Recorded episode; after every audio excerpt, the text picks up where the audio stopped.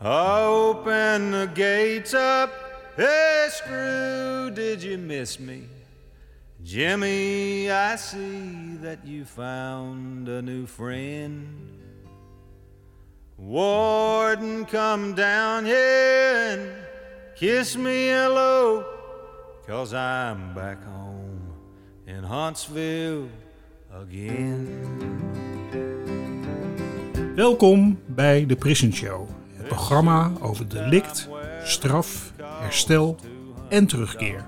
Oprecht, onafhankelijk en baanbrekend. Want iedereen heeft recht van spreken en verdient erkenning voor wie hij of zij is. Met Edwin En Frans. Yes, I'm back home in Huntsville again. Ik ruik koffie, ik zie een rood lampje branden van de opname.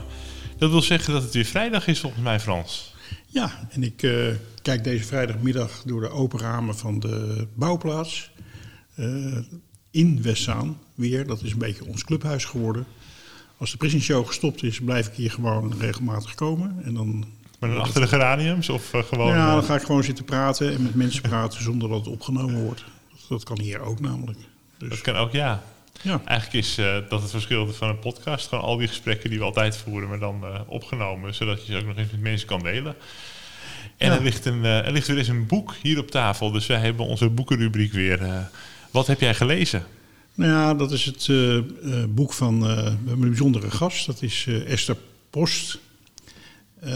En ehm, dat boek dat heet De kunst van het straffen. Dat is een dissertatie, hè, dat is een proefschrift. Wat ik met heel veel plezier en, en belangstelling gelezen heb. Omdat het ook heel erg gaat over ja, de sector en de, taak waar ik eh, ook een groot deel van mijn leven mee bezig ben geweest. En ehm, ja, ik, ik vind het een heel mooi, mooi boek en een heel mooi proefschrift eh, geworden.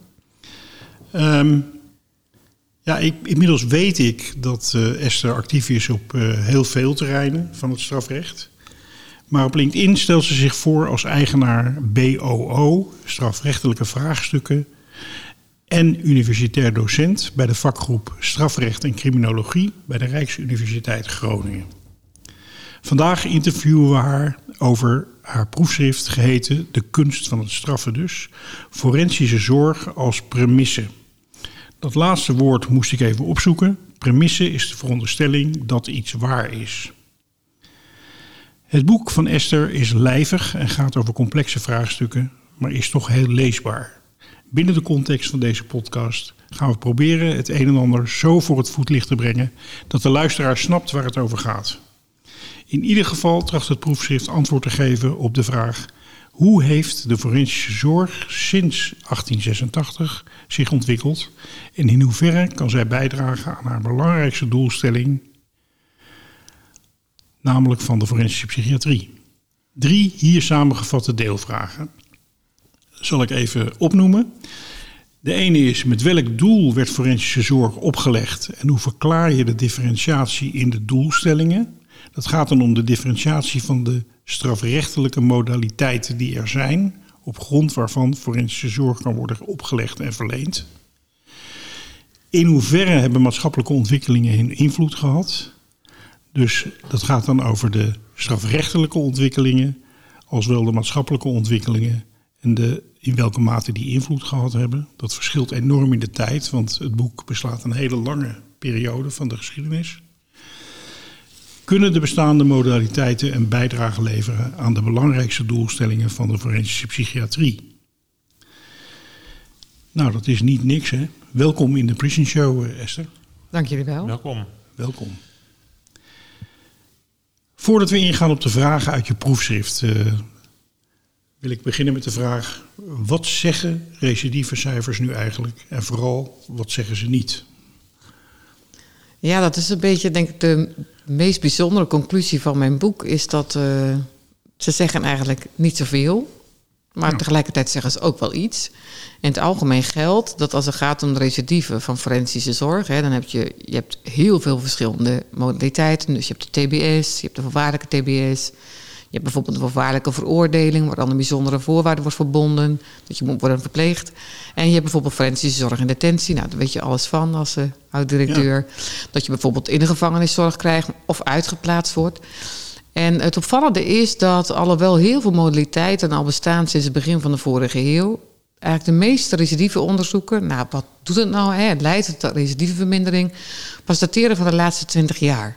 En dan eigenlijk voor alle verschillende modaliteiten pas sinds 2013, 2015 zijn we gaan onderzoeken, 2020. Alleen de TBS heeft echt oudere cijfers, uh, zeg maar, oudere recidieve cijfers.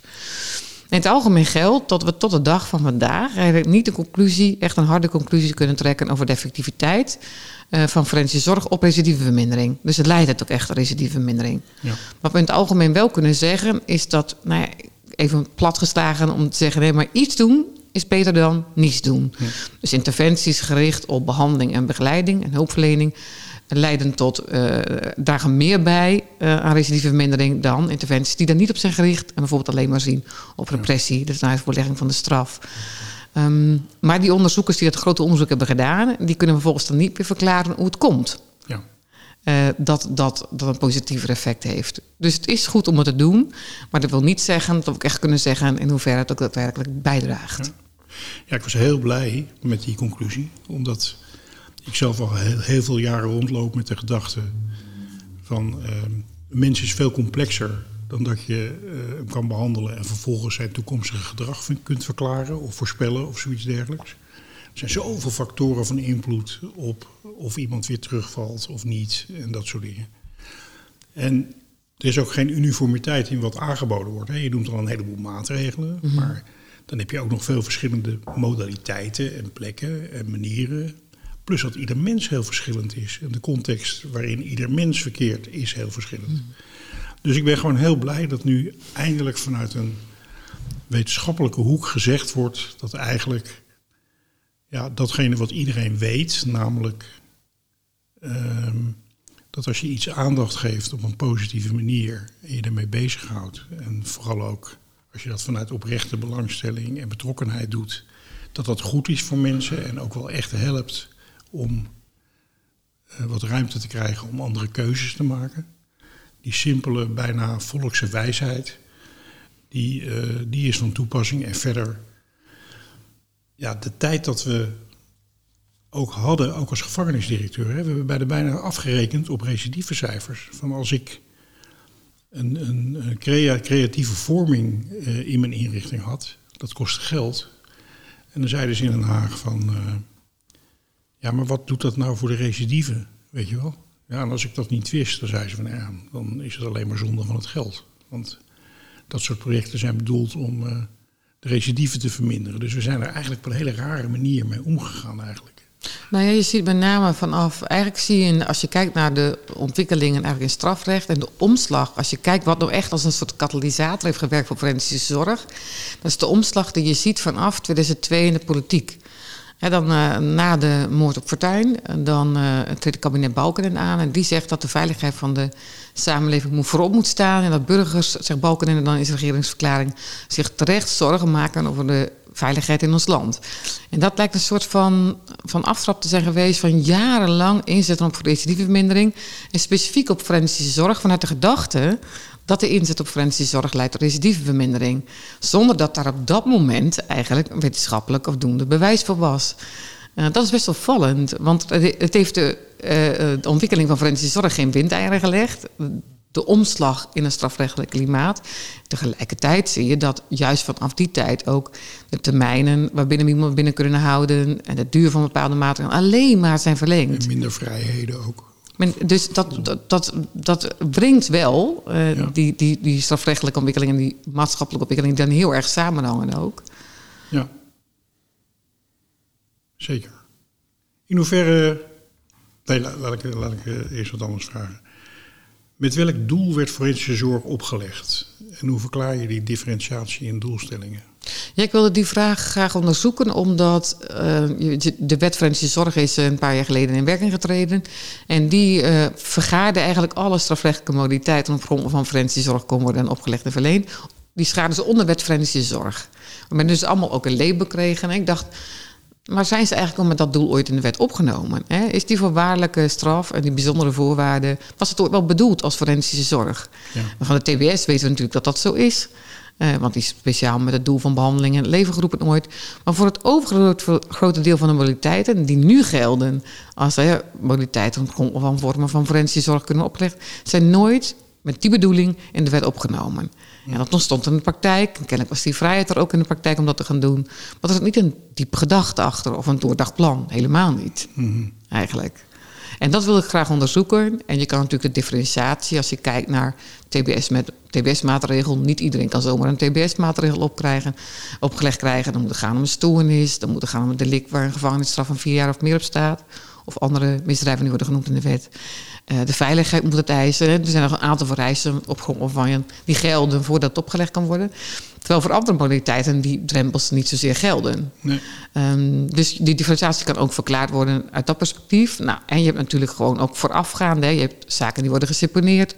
En een onderdeel van een SUPO kan ook zijn dat je je moet uh, laten behandelen, bijvoorbeeld. Uh, of een strafbeschikking. En met een aanwijzing dat je bijvoorbeeld ambulante behandeling uh, moet ondergaan. Dus je zit een variëteit, uh, variëteit aan uh, modaliteiten. En dat gaat eigenlijk van het begin van het strafproces tot aan het eind. En als onderdeel bijvoorbeeld van een uitvoerlegging van een gevangenisstraf. Als bijvoorbeeld geen stoornis is vastgesteld. Of je bent niet onderzocht. of het om welke reden niet nodig gehad. Dan heb je in de gevangenis zelf ook nog een scala aan modaliteiten. op grond van forensische zorg kan worden opgelegd. Bijvoorbeeld het bekendste is nu denk ik wel de PPC. Ja. ja. Um, in hoeverre hebben maatschappelijke ontwikkelingen hun invloed gehad? En uh, daarbij ook uh, de politiek en media, de rol van de politiek en de media daarin? Ik denk dat dat wel echt, voor mijzelf vond ik dat heel mooi om te zien dat je eigenlijk gaat naar een samenleving. Ik heb hem genoemd in de eerste decennia van de vorige eeuw wat passief eigenlijk. Hè. Dan, de, wij zijn nog opgedeeld in zuilen. Uh, en, en, in Den Haag voeren de, de, de mannen van de zuilen, de voormannen van de zuilen, het woord. En eigenlijk de rest van de samenleving is er niet zo mee bezig met wat er allemaal afgesproken wordt en, en, en noem maar op. En de media zijn ook nog verzuild, dus iedereen zelf heeft ook zijn eigen media. Uh, en eigenlijk heel veel weerstand vanuit de samenleving of wat er gebeurt in de strafrecht is eigenlijk helemaal niet. En dat maakt dat echt relatief makkelijk, zeg maar, denk ik ook in Den Haag dingen worden afgesproken, omdat de voormannen van de zuilen werden geacht de spreekbaarste zijn van de grote groep. Ja. En ik weet nog dat ik in een van de boeken vond dat dan die, die zuilen eigenlijk de grote groep werd genegeerd, omdat de voormannen wel uitmaakten hoe het zat. Um, maar goed, dat was wel de inrichting hoe de samenleving toen was. En je ziet dan eigenlijk dat het tot en met de Tweede Wereldoorlog was zo. Daarna krijg je natuurlijk de ontzeiling, dan veranderende zaken. Dan zie je ook iets meer weerstand tegen justitie. Maar dat lijkt niet gelijk tot directe grote ingrepen, want na de Tweede Wereldoorlog praten we decennia lang of we wel verder moeten met de TBS. Uh, moet die niet worden afgeschaft? Uh, is het nog wel uh, te verdedigen dat iemand zo lang binnen moet zitten... terwijl iemand die een straf krijgt minder lang binnen zit? Eigenlijk de grootste omslag wordt altijd gezegd in de literatuur... dat het is in de jaren tachtig, als de nood aan samenleving en criminaliteit komt. Veel kleine criminaliteit, drugsgebruik neemt toe, veel drugscriminaliteit... En dan zegt de overheid, het moet anders. Het moet op lokaal niveau, lokaal niveau anders. Het moet op landelijk niveau anders. En, uh, en dan wordt ook echt anders gekeken naar criminaliteit. Maar voor forensische zorg zie je dan nog niet gelijk een hele grote verandering. Dat komt eigenlijk pas met name na 2002. Hm. Na de omslag die je in de politiek dan ziet. En dat ook op dat moment politiek eigenlijk in de verkiezingsprogramma's van na die tijd zie je ook echt allemaal terugkomen. Hè, hoe belangrijk criminaliteitsbestrijding wordt gevonden. Onveiligheidsgevoelens van burgers. Dus die maatschappelijke ontwikkelingen, dat varieert door de tijd in. Waarbij ook wel een zekere bescherming was, heb ik gevonden vanuit de media, naar de zuilen die nog bestonden. Hè. Je ging niet je eigen politicus uh, in discrediet brengen, als krant zeiden. Um, en, en ik denk als het gaat om de rol van de maatschappij, zie je bijvoorbeeld wel dat uh, een mooi voorbeeld wat ik gevonden heb in de archieven van justitie, is dat dan in de jaren 60 en uh, 70 zijn er heel veel ontvluchtingen van TBS gesteld. Maar echt honderden gaan er vandoor op verlof of ontsnappen uit de... van verlof en zo. Ja, ja. En, of wordt de pompen, uh, zijn er een aantal TBS gesteld die s'nachts er vandoor gaan en allemaal delicten ja. plegen. En dat komt dan op zich wel, is er natuurlijk aandacht voor, ook vanuit de media. En dan uh, vond ik dat, uh, dat dan de staatssecretaris van, uh, van Justitie overlegde met de burgemeester van Nijmegen. En dan zeggen ze, nou, we moeten dit wel een beetje ja, dempen, hè, dit, de aandacht hiervoor. Dus dan zal de burgemeester, zo spreken ze af, met de perscontact opnemen. Ja. En dan zal de staatssecretaris zorgen dat justitie, nou ja, binnen bepaalde kamers blijft, zeg maar. Dat zo woorden ook in die brief. Dat kun je nu niet meer voorstellen wat het zo zal gaan. Als er nu een incident is, dan zien we dat gelijk volop en is er overal aandacht voor.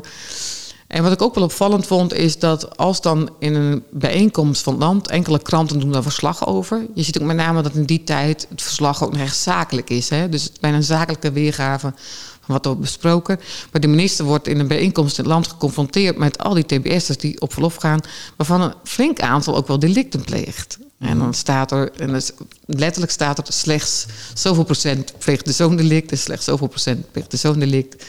Uh, en dan zegt de minister van ja, nee, maar we moeten wel rekening houden met het feit dat deze mensen verpleegden zijn. Uh, met andere woorden moet je een beetje geduld met ze hebben. En dan moeten we misschien meer nadenken over goede voorlichting van het publiek. Maar dat niet direct de nut en de noodzaak wordt gevoeld om in te grijpen. Hm. En de grootste verandering denk ik wel is dat we de afgelopen twintig jaar zien dat al één enkel incident is voldoende om alles overhoop te werpen, kun je wel zeggen. Als je kijkt ja. naar uh, echt om één voorbeeld uh, uit te lichten wat voor de gevolgen kunnen zijn. We weten natuurlijk de incidenten tijdens verlof, die dan gelijk kunnen maken dat uh, verlofkaders worden aangescherpt. Maar ook bijvoorbeeld de zaak van, van Michael P., die was overgeplaatst uit de PPC naar um, de FPK. Ja. Die um, daarvan werd gezegd dat um, de risicotaxatie beter moet in de gevangenis, want zijn uit uitplaatsing had niet gemogen. En om die reden uh, zijn na dat, hij, dat die zaak was geweest van hem, zijn alle kaders aangepast. En moeten er nu 22 stappen worden doorlopen voordat iemand vanuit het gevangeniswezen uitgeplaatst kan worden naar een faciliteit buiten het gevangeniswezen. De gevolg daarvan is dat heel veel mensen niet meer uitgeplaatst worden, omdat er zoveel stappen moeten worden doorlopen. Dus die mensen hebben wel hulp nodig. Maar ja, die kunnen niet uitgeplaatst worden omdat al die stappen moeten onderlopen. En als al die stappen al zijn doorlopen, is het maar de vraag of er plek is buiten een gevangeniswezen. Vanwege bijvoorbeeld de termijn die nog rest. Maar of bijvoorbeeld de wachttijden die gelden in de forensische psychiatrie. Dus je ziet dat met één enkele zaak de boel helemaal op scherp kan zetten. En dat echt gevolgen is. Met andere woorden, dat incident zorgt ervoor dat beleidskaders worden aangescherpt. Terwijl tegelijkertijd je kan afvragen en, en daar ben ik voorzichtig mee om dit te zeggen hoor. Maar dat, je kan je wel afvragen, wat betekent dat nou dat je dat beleid verandert, omdat er nu mensen zijn die wel behandeling nodig hebben, maar die niet krijgen of niet op tijd kunnen krijgen. En wat voor gevolgen heeft dat dan?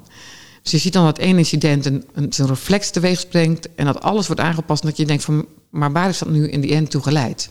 Ja, dus uiteindelijk krijg je een soort beeld van uh, dat er gereageerd wordt op incidenten. Zonder dat men zich goed realiseert waar men eigenlijk wat precies de, de effecten zijn, zowel voor de betrokkenen als voor de veiligheid en de samenleving. Ja.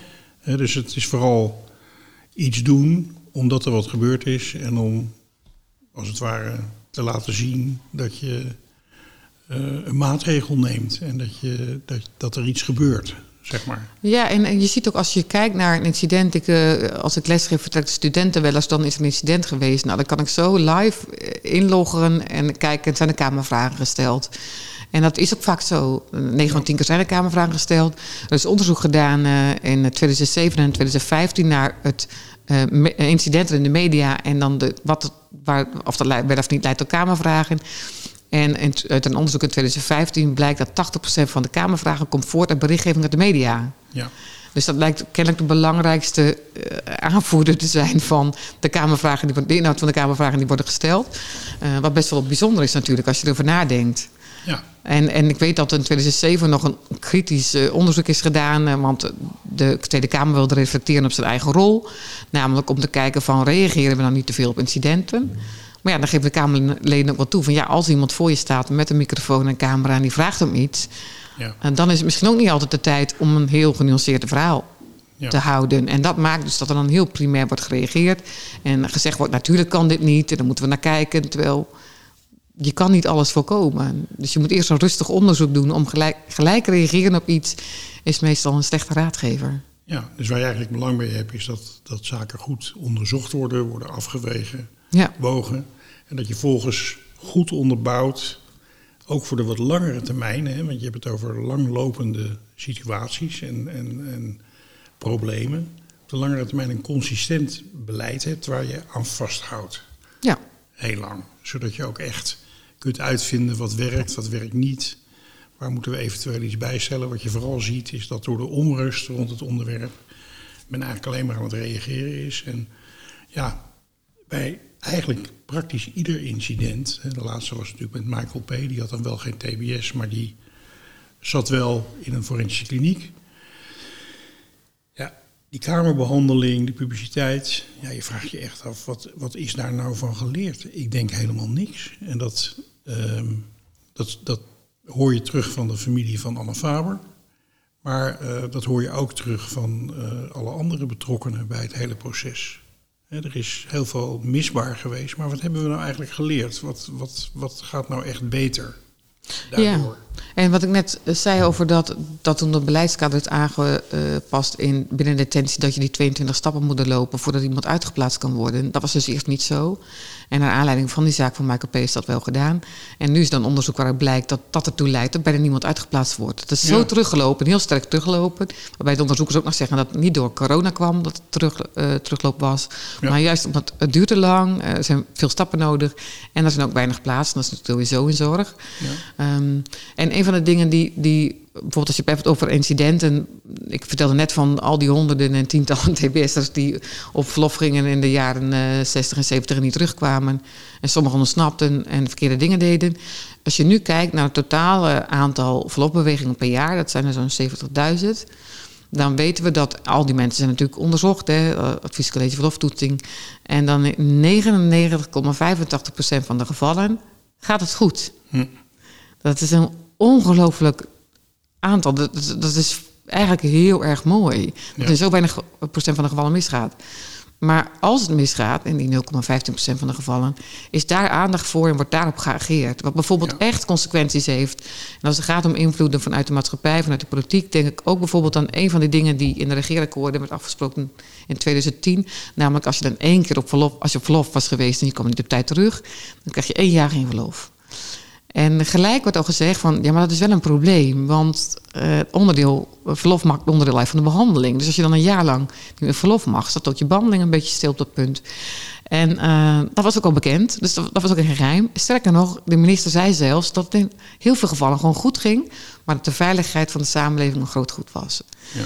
Jarenlang is vervolgens door de commissie Eenhoorn in 2014 gezegd, schaf dat al af, want het belemmert TBS-klinieken liepen vol. Het vertraagde. Vertraagde de behandelingen, vertraagde de uitstroom.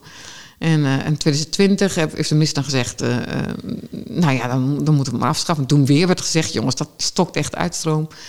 Uh, moeten we dat wel doen? En zeker als je kijkt hoe vaak het goed gaat. Hè? Mm -hmm. en dat is een van zo'n maatregelen. Denk van, waarvoor deden we dat nou? Waarom, waarom dacht iemand dat het dit een goed plan was? En als je kijkt naar heel veel maatregelingen of aanpassingen, wetswijzigingen die de afgelopen twintig jaar zijn gedaan, zijn er maar heel weinig, ik denk misschien maar helemaal geen, die echt voorzien zijn van een goede en adequate wetenschappelijke onderbouwing. Ja. Daar kan je de wetgever niet op betrappen. Nee. Nee, dat is, uh, ik denk dat het gewoon, uh, gewoon waar is. Geen wetenschappelijke onderbouwing, maar ook niet uh, gebruik maken van datgene wat er wel is. Hè? Want het ministerie, daar liggen de stapels uh, rapporten opgestapeld tegen de, tegen de plafonds. Um, ja, dat wordt niet gebruikt eigenlijk. Nou, dat vind ik wel inderdaad. Het is, je kan niet zeggen dat de regering niet en de wetgever niet de Kamer niet geadviseerd worden. Want er worden heel veel rapportages. Uh, beleidsafdelingen ja. gaan ze maar door, al jarenlang. Ja, een van de dingen die me zo opviel is dat in het rapport, uh, dat is door Erasmus Universiteit gedaan, die we toen geadviseerd over de voorwaardelijke vrijstelling, die door uh, de minister of door de Kamer werd beperkt op uh, twee jaar. Dat vond iedereen een heel goed punt. maximaal twee jaar voorwaardelijke vrijstelling. Daar was de praktijk het helemaal niet mee eens. Er was heel veel kritiek op uh, gebeurde toch. En terwijl eigenlijk uit het rapport wat de Erasmus Universiteit geschreven bleek dat er niet echt een reden voor was om dat te doen. Ja. En dan toch om echt puur omdat toch, ja, maar in het kader van een vergelding valt het niet uit te leggen, hè, zegt de minister dan dat, we, dat, dat je na een, twee derde vrij kan komen. Dus dan maximaal twee jaar. Wat absoluut gevolgen gaat hebben. Want daardoor kan je minder tijd werken aan de terugkeer in de samenleving. Maar ook krijg je volgens mij, dat moeten we nog eens zien of dat er gebeurt, maar lang gestraften zullen natuurlijk gaan calculeren. Die zullen denken, maar ja, als ik nu meewerk op een voorwaardelijke vrijstelling... ik wil graag voorwaardelijk een vrij worden gesteld... ik krijg bijzondere voorwaarden... Nou, dan heeft er is altijd nog achterhand die maatregel die maakt dat je de proeftijd kan verlengen. Ik zou dan denken dat je dat als je lang gestraft bent, dat je gaat rekenen. Of ik ga nog misschien die twee jaar uitzitten. Uh, of ik ga misschien een risico, uh, een risico lopen dat ik leven lang voorwaarden krijg. Om de zoveel jaar kunnen die dan verlengd worden. Dat wordt wel getoetst. Maar je gaat, de verwachting was dat ook, hè, dat je calculerende veroordeelden zou gaan krijgen. Maar ik vind nog veel heftiger dat er gewoon niet goed over nagedacht is. En ook als je aan de ene kant uh, predikt, wat er telkens wordt gedaan uh, door, de, de, door het ministerie, dat je inzet op risicotievermindering, dat je dat van belang vindt. Waarom beperk je dan een periode waarin je kan werken? Dat krijg je bijna niet goed uitgelegd. Nee, nee, heel duidelijk, heel duidelijk. Heel goed, uh, goed uitgelegd. Um, jij stelt voor om de maximale lengte van de TBS te koppelen aan de maximumstraf voor het gepleegde delict. Waarom? Ja, dan moest ik. En ik wist natuurlijk toen dat voor te stellen dat dat uh, niet. Uh, dat zal in Nederland niet veel uh, oor naar zijn, denk ik. gok ik zo. Maar er is wel zeg maar, degelijk reden aan te voeren om daarvoor te pleiten. Want in het algemeen geldt eigenlijk, even los van dat we net zeiden, we weten eigenlijk helemaal niet of forensische zorg dan echt, echt leidt tot recidivevermindering. Wat doet het dan echt? Ook al helpt het wel, maar is dat dan een voldoende legitimatie om bijvoorbeeld iemand in het kader van een TBS-oplegging potentieel levenslang binnen te houden. Als je denkt aan de longstayers, die soms al 30, 40 jaar uh, zitten. Ik sprak laatst, uh, nou ja, laatst, dat was iets voor corona. Vergeten we bijna dat het geweest is. Maar toen was ik een aantal keren als vrijwilliger in een TBS-kliniek. En toen zat er een man, die zat er al voordat ik geboren was, in de TBS-kliniek. En zat er nog steeds in de longstay. En en dat vond ik zo verbazingwekkend. dacht ik, oh, jij hebt dus gewoon echt al meer dan 45 keer, 45 keer kerst gevierd in de TBS-kliniek. Uh, en dat is omdat we denken dat zijn behandeling bijdraagt aan recidivevermindering. En als dat niet zo is, vinden we dat een argument om hem binnen te houden. Maar het algemeen, naast uh, de effectiviteit van forensische is nog een ander argument. En dat is namelijk dat de stoornis op zichzelf geen geen sterke voorspeller van recidive is. En je zei net al, er zijn veel andere factoren die erbij dragen. En het is veel meer dan de stoornis. Uh, en dat is ook zo. Er zijn veel meer uh, factoren die ervoor zorgen dat iemand de fout in gaat. Dus die ja. stoornis op zichzelf, dat blijkt ook uit onderzoek, is geen sterke voorspeller van recidive. Maar wel het aanknopingspunt en een vertrekpunt om forensische zorg op te leggen. Omdat forensische zorg en behandeling in dat kader schiet op het uit de stoornis voor voldoende gevaarlijkheid. Ja. Nee, inderdaad. Ik, ik ben het met je eens dat uh, de stoornis maar één aspect is van eigenlijk het, het, de, de recidieve gevaarlijkheid. Dat mensen delicten gaan plegen. Daar spelen veel andere dingen ook nog een rol. Uh, en daarnaast zit er ook een soort rechtvaardigheidsprincipe in. Van, je kunt bij wijze van spreken een delict gepleegd hebben waar je normaal gesproken vijf jaar voor zou krijgen. En twintig jaar in de TBS moeten blijven, omdat men steeds zegt dat jij gevaarlijk blijft. Um, Waar ik wel aan moet denken is aan een iemand, aan een persoon, die ik ooit in het Pieterbaancentrum ben tegengekomen. Die um, al heel lang in de TBS zat. Ook, uh, ik denk al 45 jaar ook of zo in de, in de, in de uh, Van Mestdagkliniek. Uh, en Veldzicht had hij ook gezeten. En um, ja, die man die was een, een um, iemand die viel op kleine kinderen en ze ook om het leven bracht zeg maar. En waarvan we ontdekten tijdens die, uh, die periode in Pieter Baancentrum dat al zijn fantasieën daar nog steeds over gingen, zeg maar. Dat was kennelijk iets waar hij mee behept was. En waar al die jaren uh, uh, TBS eigenlijk weinig invloed op hadden gehad. Ik, ik, zie hem nog voor me terwijl hij de hele dag tapijtjes aan het knopen was. Dat hij dus. Hij was heel braaf tapijt aan het knopen, maar uh, kennelijk aan de binnenkant van zijn hoofd was hij met andere dingen bezig. Dat zijn wel lastige gevallen om mee om te gaan. Wij hebben toen gezegd van, tenminste wij, ja, het behandelteam of het observatieteam, van ja, die man mag niet vrijgelaten worden. wat doe je dan in zo'n geval? Hè? Nou, ik denk, ik wil graag zo'n antwoord op geven. Uh, Frans, als ik eerst even uh, in het algemeen. Maar je hebt een aantal, uh, noemen we normatieve knelpunten. Hè, is als die stoornis op zichzelf geen sterke voorspelling recidive is, uitzonderingen dagen laten. Um, en we nog niet- echt afdoende kunnen zeggen over de activiteit van forensische zorg, dan kun je afvragen, is het dan wel gerechtvaardigd om de een veel langer binnen te houden dan de ander? Ja. Dat is één. Twee is dat in het algemeen geldt dat heel veel personen niet worden onderzocht. Als je echt serieus invulling wil geven aan het beleid, Ja. eh, namelijk inzet op forensische zorg voor degene die het nodig heeft in het kader van de recidievevermindering, dan moet je eigenlijk iedereen onderzoeken. Ja, je bent mensen heel ongelijk Ja. aan het behandelen. Dus verreweg de meeste mensen worden helemaal niet onderzocht. Dus dan treedt er ook op dat punt re- treedt ook rechtsongelijkheid op. Ehm, en dat zijn allemaal factoren die je mee moet wegen. En wat zijn we dan met z'n allen aan het doen? Nou, dan de categorie eh verminderd toerekeningsvatbaren. Dus dat is de groep die dan eigenlijk eh, nou, niet ontoerekeningsvatbaar is, maar wel verminderd. We zien echt dat er een enorme toename is van lange straffen met een dan een TBS-maatregel. En dan wordt altijd gezegd, ja, maar in Nederland kennen we eh, geen straf naar de mate van schuld. Dat heeft de ooit met zoveel woorden dan gezegd. En terwijl we weten uit de geschiedenis van het tot stand komen van de TBS-maatregel... dat dat door de wetgever wel werd beoogd. Destijds zei de wetgever... een verminderde toerekeningsvatbaarheid kan maar één gevolg hebben... en dat is een lichtere of geringere straf. Eh, nou, om welke reden dan ook. Want Hoge Raad heeft volgens mij nooit echt een goede uitleg gegeven... waarom dat dan zo zou zijn. Ehm, geldt het beginsel niet. Waardoor je krijgt dat mensen die dan voor hetzelfde delict... eh, de een bijvoorbeeld 20 jaar krijgt... en de ander krijgt misschien wel 15 jaar en een TBS. Dus die zit waarschijnlijk veel langer binnen. Wat is de rechtvaardiging voor? En als je dan kijkt dat de behandeling in de kader van forensische zorg meer ziet op welke risicofactoren zorgen er nou dat iemand opnieuw de fouten gaat, meer nog dan kunnen we nou deze stoornis hè, behandelen, genezen, dan zou je zeggen, oké, dan moet je misschien heel anders kijken. Dan moet je kijken, wat is er voor nodig dat iemand opnieuw de fouten gaat. Dan zou je eigenlijk iedereen die een delict pleegt vanuit dat kader moeten beschouwen en zeggen, wat heb jij dan nodig om te voorkomen dat je het niet meer doet? Ja. Maar dat is geen rechtvaardiging om de een veel langer binnen te houden. En al deze factoren die ik nu noem. Om de een veel langer binnen te houden dan de ander. Maar je hebt natuurlijk een groep, hè, de man die je net noemt. Iemand die dan eh, eh, eh, kinderen, op kinderen valt. en die neiging die kan onderdrukken. En hoe lang je ook binnen zit, onderdrukt die neiging nog steeds niet. En volgens mij zijn ook in de longstay eh, best wel een aantal TBS'ers die juist daarvoor in de longstay zitten. Ja. Ehm, dan is het de vraag, moet je die zomaar buiten laten lopen? Nee, die moet je niet zomaar naar buiten laten lopen. Maar daar hebben we gewoon wel voorzieningen voor. Je kan altijd bijvoorbeeld van de wet voor een, eh, verplichte geestelijke gezondheidszorg... je moet dan gewoon in een instelling Ja, plaatsen. ja.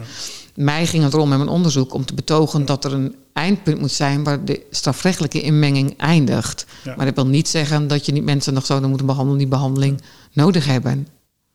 En eigenlijk kan je eigenlijk in het algemeen pleiten dat als we weten dat een vorm van behandeling en begeleiding meer doet dan zomaar straffen, dan zou ik zeggen, misschien moet je dan eens naar een herrijking van je sanctiestelsel kijken. En meer inzetten ook op speciale preventie dan puur op vergelding. Ja, ja daar, daar komen we zo nog even op terug hè, in, de, Ja. in, de, in de laatste vraag. Maar eh, nee, eh, tot zover kan ik je goed volgen en heb je me ook wel mee. In de zin van eh, die rechtvaardigheid lijkt me ontzettend belangrijk. Eh, eh, dat je mensen gelijk behandelt en eh, dat je niet, dat je heel goed in de gaten houdt dat je mensen eh, ja, niet heel ongelijk behandelt in dat hele systeem. Ik denk dat dat ontzettend belangrijk is. Ja, en ik denk ook wel, ik weet dat de minister in, in, in de jaren 60 en 70 veel zag in voorlichting van het publiek. Nou, dan wordt het de samenleving veel meer voorgelegd dan vroeger. Maar nog steeds is wel in de berichtgeving, en dat is wel jammer. Eh, toch wel ligt de focus met name op dat wat er fout gaat, dat, dat incident. Ja. En natuurlijk, eh, dat is heftig en ernstig. Eh, daar, wil ik niks van afdoen. Maar de vraag is wel van wat doe je vervolgens en waar leidt dat dan toe? En ik las, een van de dingen die ik ook in mijn boek gebruikt heb, is dat uh, Joke Harte heeft uh, die, dit onderzoek naar van mensen die dan in het, uh, hoe dat zat volgens mij in mijn hoofd, in Veldzicht, mensen die daar hadden gewoond. En hoe werkt dat dan? Hoe gingen we toen om met, uh, met uh, forensische patiënten? En die sprak toen een vrouw die vertelde dat in de jaren 60 of 70 zij elke zondagavond een TBS'er um, die kan bij hen eten. In het kader van de restauratie naar de samenleving toe had dan de directeur van de instelling gevraagd van willen jullie dan diegene ontvangen? Mhm. Mm -hmm. En volgens mij vertelde die vrouw ook nog zoiets dat die man een poppenhuis voor had gemaakt. Verpleging in het kader van de TBS vond in het begin van de vorige eeuw ook nog in, een vorm van gezinsverpleging kenden we toen. Dat de TBS ja. dan in een gezin, een ja. kerkelijk gezin, daar werd ook naar gekeken. Dat zijn allemaal zaken die in de vorige eeuw nog voorkwamen, die je nu niet meer kan voorstellen. Als je nu zou zeggen van goh, kan op zondagavond uh, deze TBS gaat straks met verlof en we willen vast laten wedden aan hoe het is om terug te keren in de samenleving, kan hij op zondagavond bij jou eten. Hoeveel mensen zouden ja zeggen?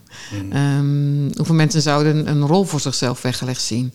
En ik denk dat als je kijkt van wat, wat zou nou anders of beter, ja, beter misschien niet het goede woord, maar waar zouden we zelf aan kunnen bijdragen door, denk ik, ook op een andere manier naar te kijken en over te praten. Ja, dus, eens. dus als, die, als het incident plaatsvindt, dan moet er zeker aandacht voor zijn. Maar het is geen reden, gelijke reden om een heel systeem op de kop te zetten. Nee, feitelijk, uh, ik heb zelf het idee dat, dat op het moment dat er een incident is, uh, is de beste manier van reageren is uh, geen maatregelen nemen.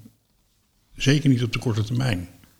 Omdat het feit dat het gebeurd is op zichzelf, zeker als je het evalueert met elkaar en er goed naar kijkt, werkt al heel preventief naar herhaling. Op, zeker op dezelfde plek.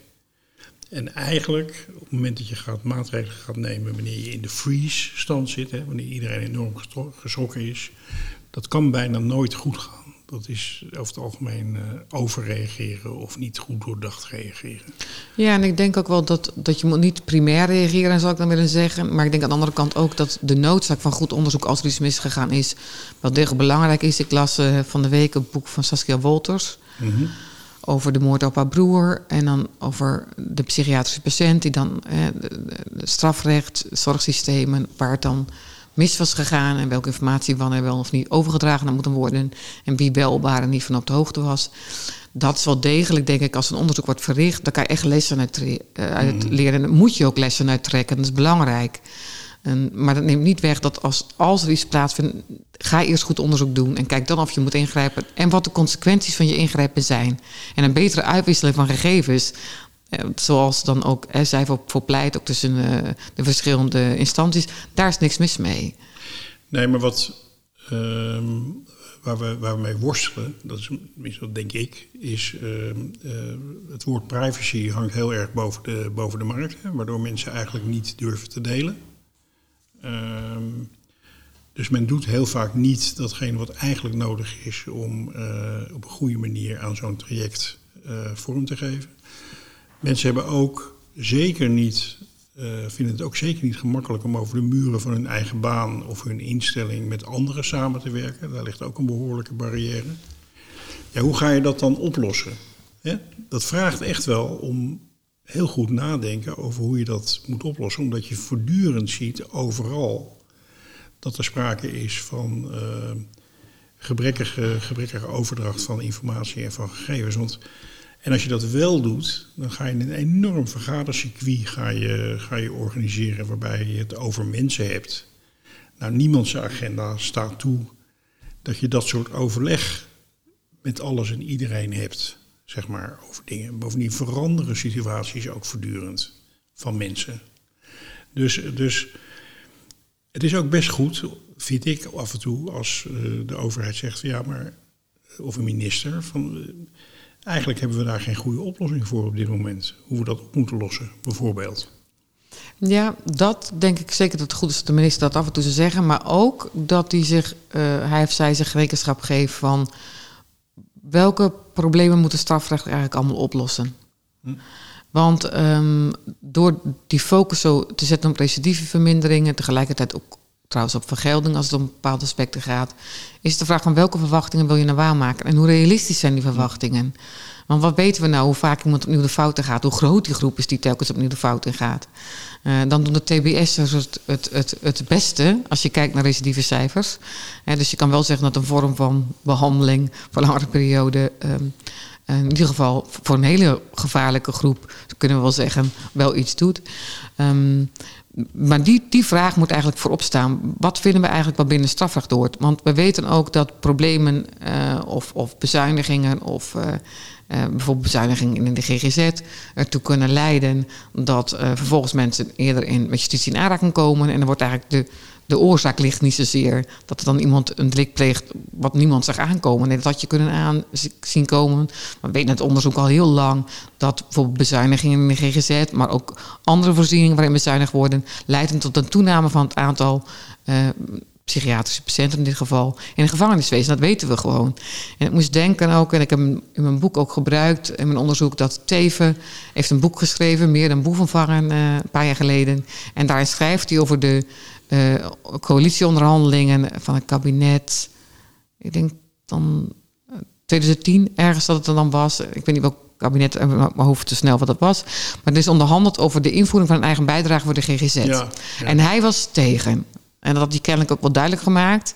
Maar ja, de Schippers moest dan toch zorgen dat dat, dat, dat hij moest toch doorgaan. Dus en toen had hij, dat beschrijft hij ook wel een beetje in kleur, dat hij dan toch geregeld heeft dat in een radioprogramma wordt hij gevraagd naar die eigen bijdrage. Omdat hij wil zeggen dat als dat doorgevoerd wordt, dat ertoe kan leiden dat hij die dan vervolgens in, binnen justitie binnenkrijgt. Dat wordt dan mijn probleem, was een betoog. En dan wordt hij vervolgens opgebeld door eh, Schippers, die heel boos is. En volgens de Rutte, die ook boos is. En dat hij dat niet meer moet doen. En toen dacht ik dan, als je dat voorbeeld, even, ik, ik neem even aan dat zijn beschrijving uh, waarheidsgetrouw is. Uh, als dat een voorbeeld is van hoe we kijken naar problemen, dan is het wel best wel bijzonder en ook wel een beetje wrang als je dan kijkt hoe ook gereageerd wordt naar aanleiding van één enkel incident. Want ik denk, als je goed na had gedacht, dan kan je weten dat bepaalde bezuinigingen leiden tot problematiek. Dat die problematiek een katalysator kan zijn over dat mensen eerder met justitie in aanraking komen. En dat weet je dan eigenlijk ook wel als overheid. En toch doe je het. We hebben bezuinigingen gehad in de forensische zorg ook. Dat weten we ook. Daar hebben we ook de voorbeelden van. Waar de mensen misschien niet in de kliniek komen uh, waar ze uh, terecht moeten komen. En vervolgens gebeurt er dan wat. En dan, dan vinden we dat we in moeten grijpen. En dan is er heel veel rumoer en aandacht voor. Ik denk van misschien dat je van tevoren even wat beter moet nadenken. Ja, ik vraag me ook wel eens af uh, of VVD'ers wel, liberalen, wel geloven in herstel van mensen. Of ze wel geloven dat als je mensen behandelt en begeleidt, of dat, dat, dat, dat het kan leiden dat ze, dat ze minder problemen op gaan leveren. Ja, ik weet niet of het specifiek een VVD-ding uh, is, moet ik zeggen. denken. Maar ik, kijk, het kabinet, uh, volgens mij VVD, PVDA, heeft jaren geleden ook heel erg moeten bezuinigen. Uh, want toen hadden we een crisis. Maar ook heel erg bezuinigd in de forensische zorg. En het onderzoek wat daarna is gedaan blijkt dat toen een toename was van overige forensische zorg. Dat is forensische zorg en detentie en forensische zorg als voorwaarde. En dat forensische zorg als voorwaarde een alternatief heeft voor de TBS. Wat natuurlijk heel gek is. Want ja. behandeling in het kader van een TBS-maatregel is langer. Uh, achtergestoten uh, muren, uh, verloftrajecten. Het is veel anders ja. dan behandeling, wat de mogelijkheden die je hebt in het kader van een gevaarlijke mobiliteit. En toch was dat zo. En ik, en ik heb de wetgever niet kunnen betrappen, uh, uh, of de minister, op een uitvoerige behandeling, waarom dat toch gegeven omstandigheden een hele goede keuze was. Uh, behalve dan als ze zeggen dat het niet tot een verarming zou leiden van. En dat is natuurlijk een beetje gek, want dan kan je wel bedenken ja. dat dat tot problemen kan leiden. Wat ik uit jouw boek ook begrijp, is dat er allerlei argumenten zijn, bijvoorbeeld financiële argumenten, die uiteindelijk bepaald beleid hebben veroorzaakt.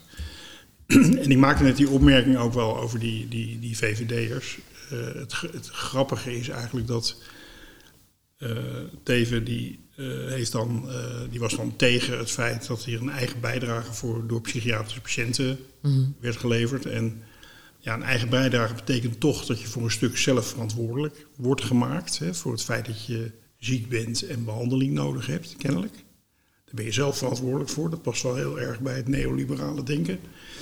Maar vervolgens heeft hij ook in diezelfde periode heeft hij voorgesteld dat gedetineerden zelf ook mee gingen betalen aan hun verblijf in de gevangenis.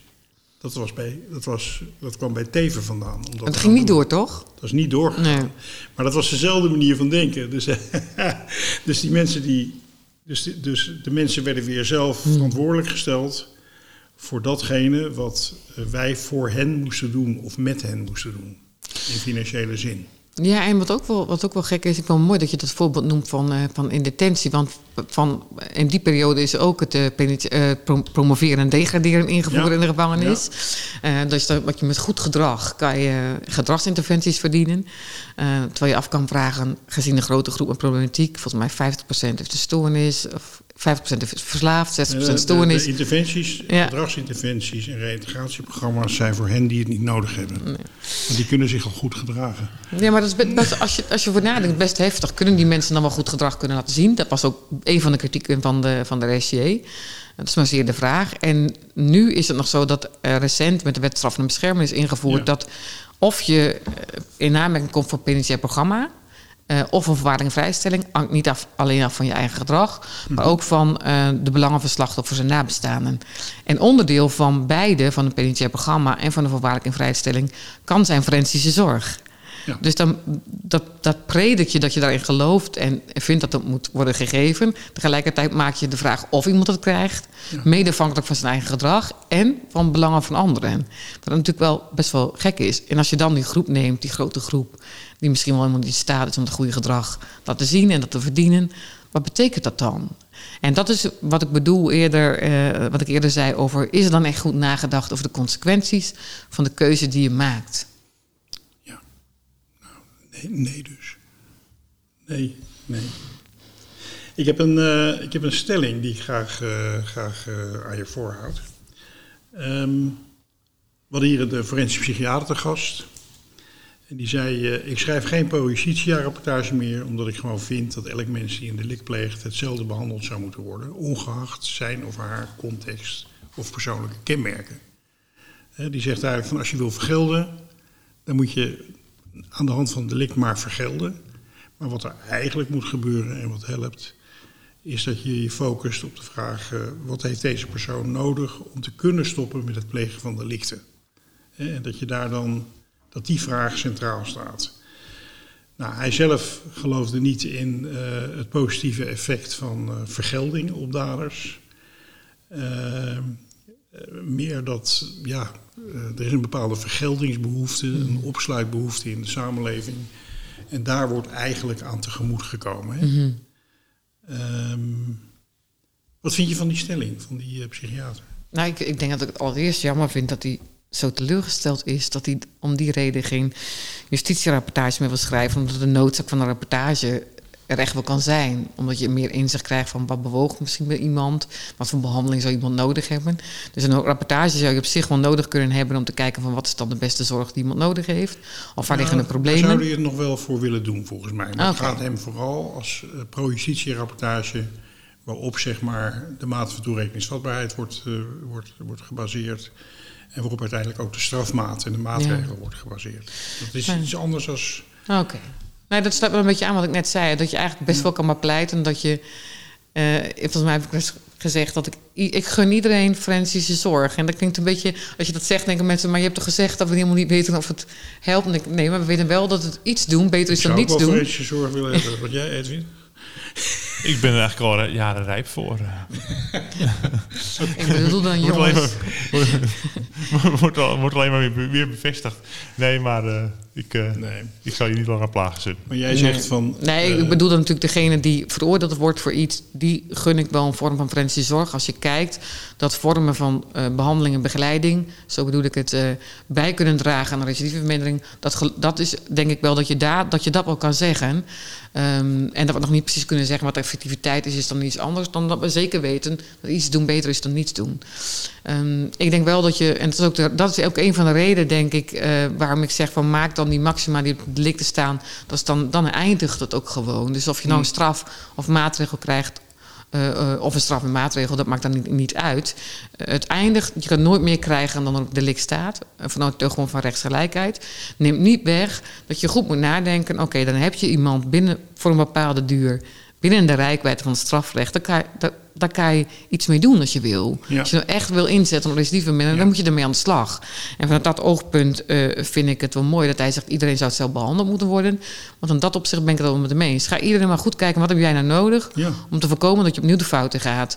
Nou, dat kan dan een vorm van zorg zijn, dat kan een vorm van Ja. training zijn... dat kan allerlei soorten, eh, misschien een opleiding. Ja, ik denk in het algemeen, eh, zoals ik er een beetje in zit, ik denk hij ook, dat mensen, dat je kijkt van wie ben jij eigenlijk en wat heb jij nodig? Hè? Wat, eh, wat zijn je dromen, wat zijn je idealen, waar zitten je talenten? En, en ja, dat is iets wat heel erg helpt. En daarnaast heb je natuurlijk ook gewoon te maken met pathologie, hè? Met, met een bepaalde problematiek, met bepaalde barrières, trauma's of andere zaken waar je echt voor behandeld moet worden, wil je verder kunnen. Ja, daar moet dat, dat moet er dan ook zijn, zeg maar. Ja, ik zat nog te denken op weg in naartoe zat ik de, het boek te luisteren van Sanneke Langendoen. Die eh, heeft een heel mooi boek geschreven over een verschrikkelijke gebeurtenis, namelijk een vader die eh, haar moeder om het leven heeft gebracht. En dan overlijdt hij zelf in de gevangenis. En dan komt zij op bezoek bij de directeur van de gevangenis. En dan eh, zegt, vertelt die tegen haar dat een mens meer is dan zijn daad. Hm. En dat dat ook wel raakte, begrijp ik hoe het in het boek staat. En dat is natuurlijk waar het om gaat. Oké, je hebt iets verschrikkelijks gedaan. Dat, dat moet je niet onder het tapijt schuiven. Dat is, ook, dat is erg. Je hebt iets gedaan wat niet mag. en, en mensen hebben verdriet gedaan. Je hebt iets gruwelijks gedaan. Maar hoe gaan we nou verder vanaf hier? Ja. Dat is een vraag. En dat, die vraag stel je ook aan de mens. Dus niet de dader en de mensen dan in dat opzicht ook niet van elkaar te knippen, als het ware. Nee, want de daders hebben we dus vandaag toevallig eh, ook een podcast eh, over gemaakt. De mensen die dit soort dingen doen, zo'n ernstig delict plegen, die hebben zelf ook een heel proces door te gaan om daarmee in het reinen te komen. Willen ze verder kunnen op enig moment. Dus ik denk dat er veel te doen is, ook voor ons als samenleving. Ik, denk als we, ik vraag me wel eens af als we met iets meer, eh, maar het is gewoon het algemeen, hè, eh, als we met iets meer genade naar onze medemensen zouden kijken. Ja. Even los van of hij iets verkeerd gedaan heeft, hè, even eh, gewoon het algemeen. Met iets meer genade Ja. naar de ander kijken en proberen elkaar te helpen. Of dat op zichzelf al niet zou bijdragen tot een, eh, ehm, een andere samenleving of een iets andere samenleving. Maar mogelijk ook wel toe kan bijdragen en dat we zelf ook misschien wel een beetje helpen om ervoor te zorgen dat iemand misschien Ja. afgeleid of, eh, of, het verkeer, of, of in het criminele circuit belandt. En dat we daar ook als mensen wel een bepaalde verantwoordelijkheid in hebben.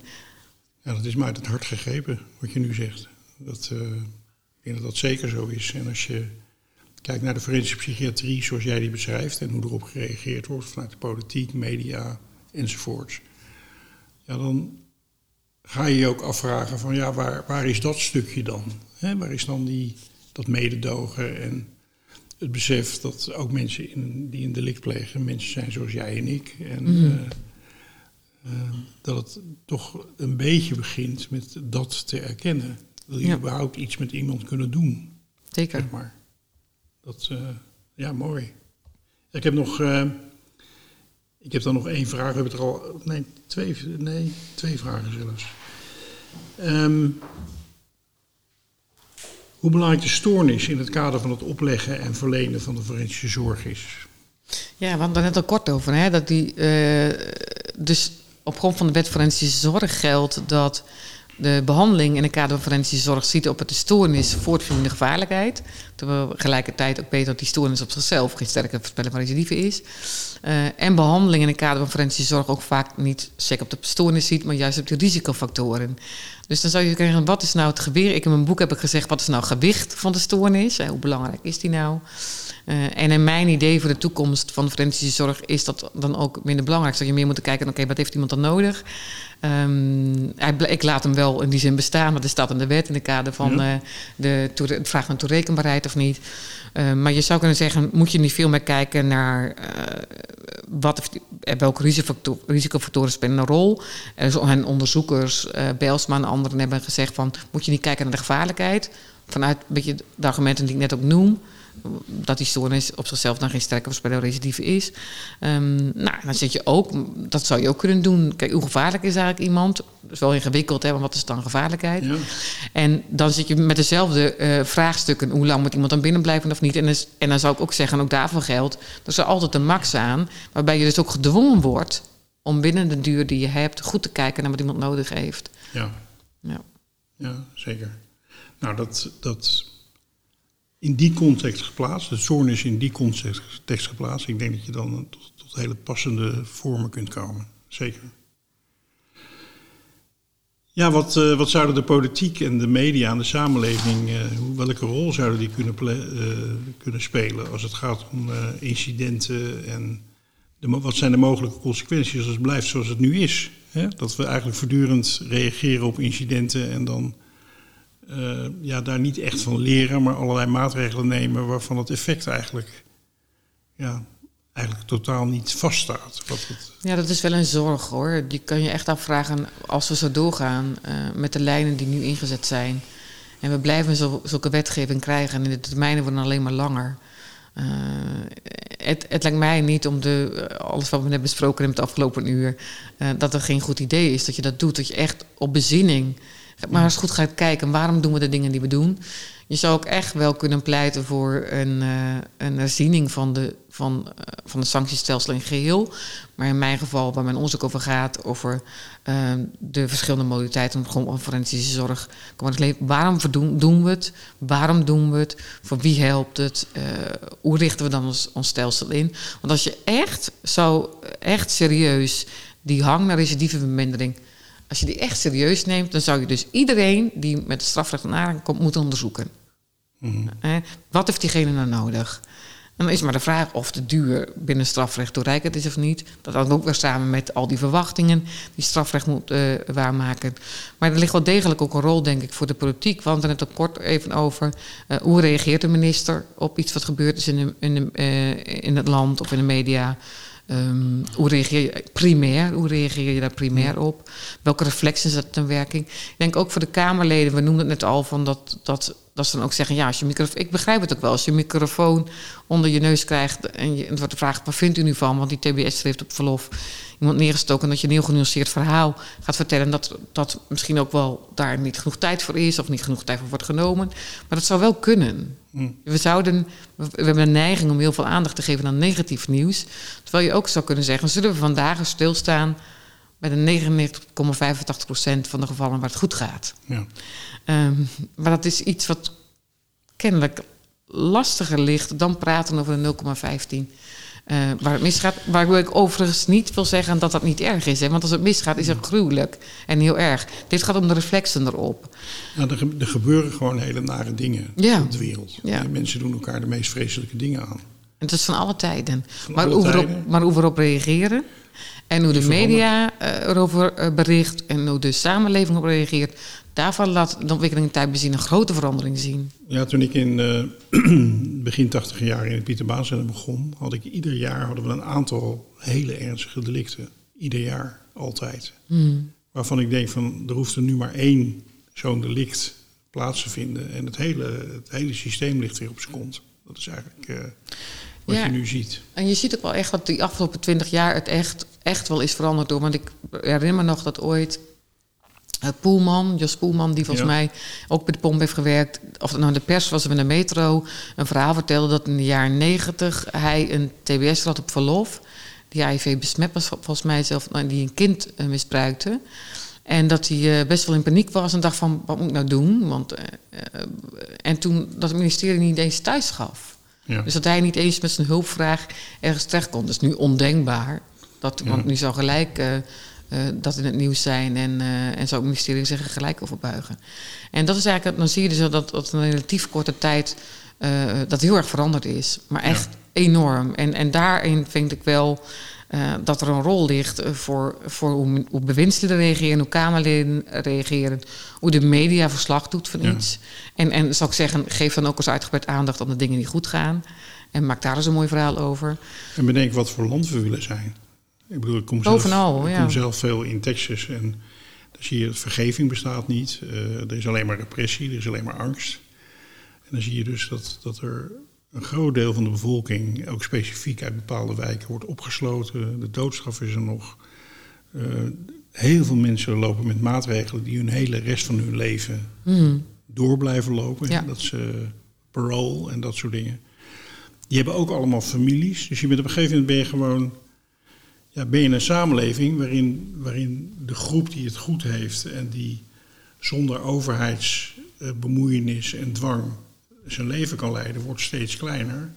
En de mensen die in de hoek zitten waar, uh, waar je verdacht bent en de klappen krijgt, uh, wordt steeds groter. Ja, willen wij zo'n samenleving hebben? Mm want ook die mensen waar het, waar het slecht mee gaat, zijn ook onze kinderen en onze ouders mm en onze buurtgenoten. Ik wil je heel erg bedanken voor dit interview. Graag gedaan. Dank dat ik hier mag zijn. Er is best wel veel uh, voorbij gekomen. In. En een glas helder hoor. Ja? Ik heb, kijk, in mijn huiswerk, ik ga het uh, thuis nog een keer nalezen met mijn aantekeningen. Maar uh, volgens mij is het glas helder. Ook voor het auditieve deel, als je het alleen hoort, is het nou, dat is hartstikke fijn. En, en, dat, dat is met name fijn dat jij. Een aanleiding ook om, om het, het, het, te lezen natuurlijk. Want in een uur vat je niet alles samen wat er in het boek staat. Um, dus het linkje, want is dat makkelijk te verkrijgen? Kan Ja hoor, je kan Ja, de titel gewoon intikken Zo. op de, en dan komt hij op de VU-site bij de de VU. Vrije Universiteit Bij de VU. Ja. Dat eh, zetten we even in de show notes waar mensen eh, Ja. eh, het proefschrift kunnen lezen. Rest ons alleen nog jou te bedanken. Graag gedaan. Dankjewel, Esther. Dankjewel Esther. Yes, I'm back home in Huntsville again.